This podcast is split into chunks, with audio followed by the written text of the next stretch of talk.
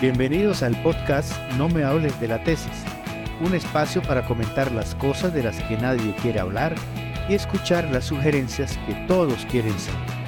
Con la psicóloga y experta en investigación, Jacqueline Hurtado de Barrera. Estimados tesistas e investigadores, bienvenidos nuevamente a este espacio de No me hables de la tesis. Recordemos que el trabajo de investigación no es solamente una tarea académica, es un trabajo que compromete muchos aspectos de nuestra vida, porque cuando el investigador se involucra en esta tarea, compromete aspectos cognitivos, de conocimiento, creatividad, reflexión, también aspectos de trabajo, del hacer, de tomar decisiones, de desarrollar la voluntad, la capacidad de emprendimiento, aspectos emocionales y psicológicos como fomentar la seguridad en sí mismo, la fortaleza de carácter, la ética y, por supuesto, crear también hábitos que le permitan mantenerse en un propósito hasta poder lograr su objetivo. En esta oportunidad tenemos a un invitado muy especial que ha pasado por una serie de situaciones con su trabajo de investigación, pero en las cuales logró salir con éxito. Él nos va a compartir hoy su experiencia. Edwin, bienvenido. Me alegra mucho tener la oportunidad de conversar nuevamente contigo después de tanto tiempo. Y agradezco que hayas querido compartir con otras personas esta experiencia que fue tan importante para ti. Cuéntanos, por favor, cómo fue el proceso de realizar tu investigación y cuáles fueron las dificultades con las cuales te enfrentaste. Bueno, grosso modo, mi trabajo de grado, de maestría, pasó por un proceso largo. Yo tuve dos tutores. El primero era un doctorante y motivado a sus compromisos con su trabajo de grado, él abandonó esa función de ser mi tutor. Por ende, el avance que tuve con él no fue significativo. Después tuve otro tutor con el cual, de acuerdo a las orientaciones que me dio, lo que hice fue organizar un trabajo el cual efectivamente presentaba debilidades metodológicas y ya estaba en, en el momento final, porque de acuerdo a la normativa de la universidad, si yo no presentaba el trabajo en una fecha establecida, eh, perdía el tiempo, porque ya el tiempo ya estaba en el tope. La o si no perder la maestría como tal, tienes que volver a comenzar de nuevo. Bueno, total, yo presento el trabajo de grado y tuve debilidades significativas a nivel metodológico, pero sin embargo, de acuerdo a los protocolos de la universidad, ya yo había avanzado de manera significativa, es decir, yo había presentado un proyecto, me había revisado un capítulo 1, me habían dado observaciones en capítulo 2, es decir, que de acuerdo a las materias, yo tenía un avance, incluso había sido revisado por un equipo que encarga de revisar los trabajos de grado. Cuando el trabajo llega ya al proceso previo a la defensa, deciden reprobarme el trabajo porque poseía debilidades metodológicas de base.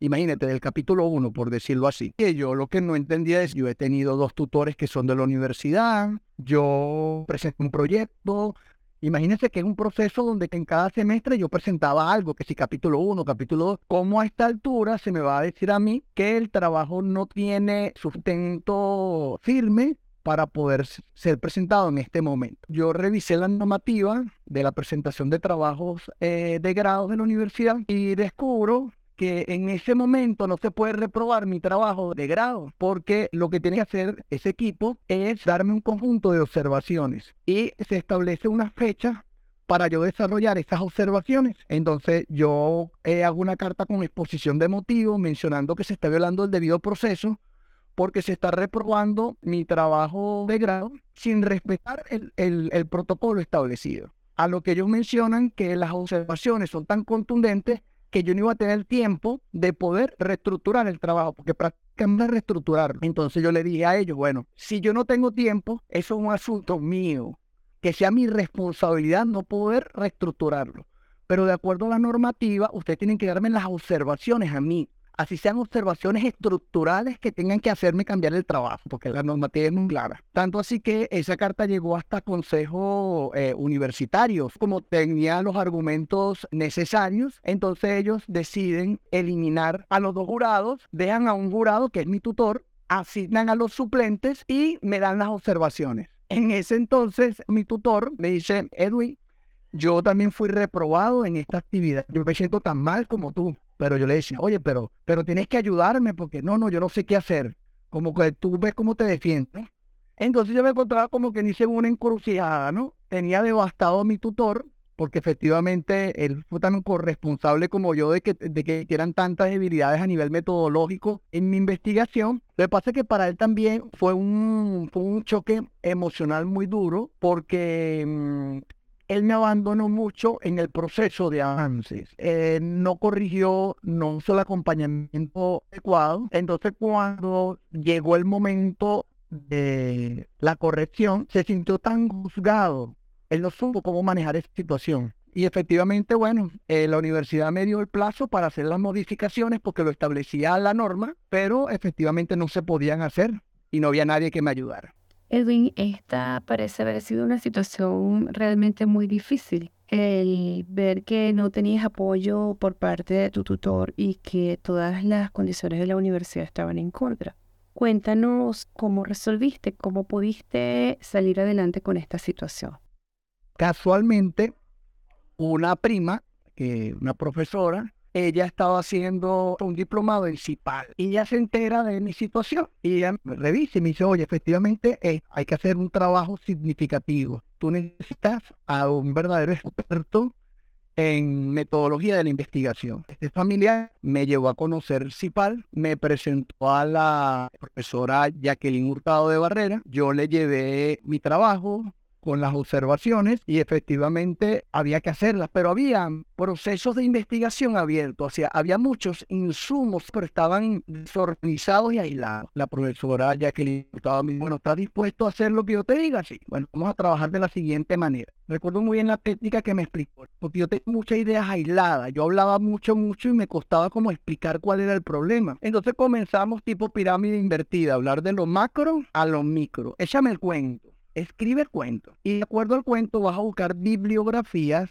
referentes y lo vas a tener en hojas escrito. Vas a comenzar a tus ideas a argumentarla con lo que dicen los autores y ubica qué referentes, qué investigaciones similares se han hecho en cuanto a, a lo que tú tienes. Porque tuve que reestructurar todo el trabajo de investigación, absolutamente todo. Bueno, y así fue, proceso arduo, muy disciplinado. Yo tuve que leer mucho referentes teóricos y organizar mis ideas para, en el tiempo establecido por la universidad, yo poder reestructurar mi investigación. Como yo tenía muchísimas entrevistas, yo como, bueno, no sé, quizás como un loquito me puse a hacer muchísimas cosas, pero no tenía la organización metodológica. A través de las orientaciones de la profesora, logré organizar lo que había hecho. Vamos a hacer una investigación proyectiva en tiempo récord, pues. No puedo, mentiría si di que, que fue algo fascinante donde realmente pude descansar. No, no, trabajé arduo. Arduo que yo trabajaba todos los días en reorganizar lo que tenía. El proceso de reestructuración duró como un mes y medio. Tuve la oportunidad de desarrollar y organizar todo lo que había hecho y presentarlo en la universidad. Edwin, eh, coméntanos cómo fue tu experiencia emocional durante esos días. Profe, yo, yo entré en depresión. El sentir haber perdido tiempo, dinero, esfuerzo y sobre todo el que no me dieran la oportunidad de poder mm, subsanar, porque o sea, yo fui consciente que tenía debilidades, pero en ese momento yo me sentí muy, pero muy mal. Entré en depresión, yo no dormía, yo no comí. Y el yo ser Seracipal y a usted, profe, para mí fue una esperanza, ¿sabes? Una esperanza del poder tener la oportunidad de organizar un trabajo que todo el mundo pensaba que era imposible que se podía organizar y sobre todo en tan poco tiempo. ¿Y cuál fue la reacción de tu tutor cuando lograste culminar el trabajo y entregarlo nuevamente? No, él no sabía qué hacer porque yo superé sus expectativas, porque él pensó que yo no podía lograr eso, que era imposible hacerlo. O sea, eh, fue algo inédito para él, que yo pudiera lograrlo en tan poco tiempo.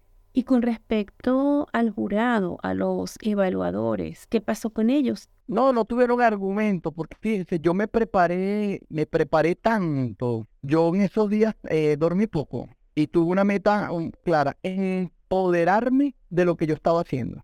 Porque nosotros en la academia, en la universidad, tenemos como referentes y tenemos ya como una cultura en la cual hacemos las cosas de una manera muy particular. Entonces yo salirme de ese esquema iba a generar cierta resistencia. Yo recuerdo que en mi trabajo de investigación yo argumenté hasta el argumento.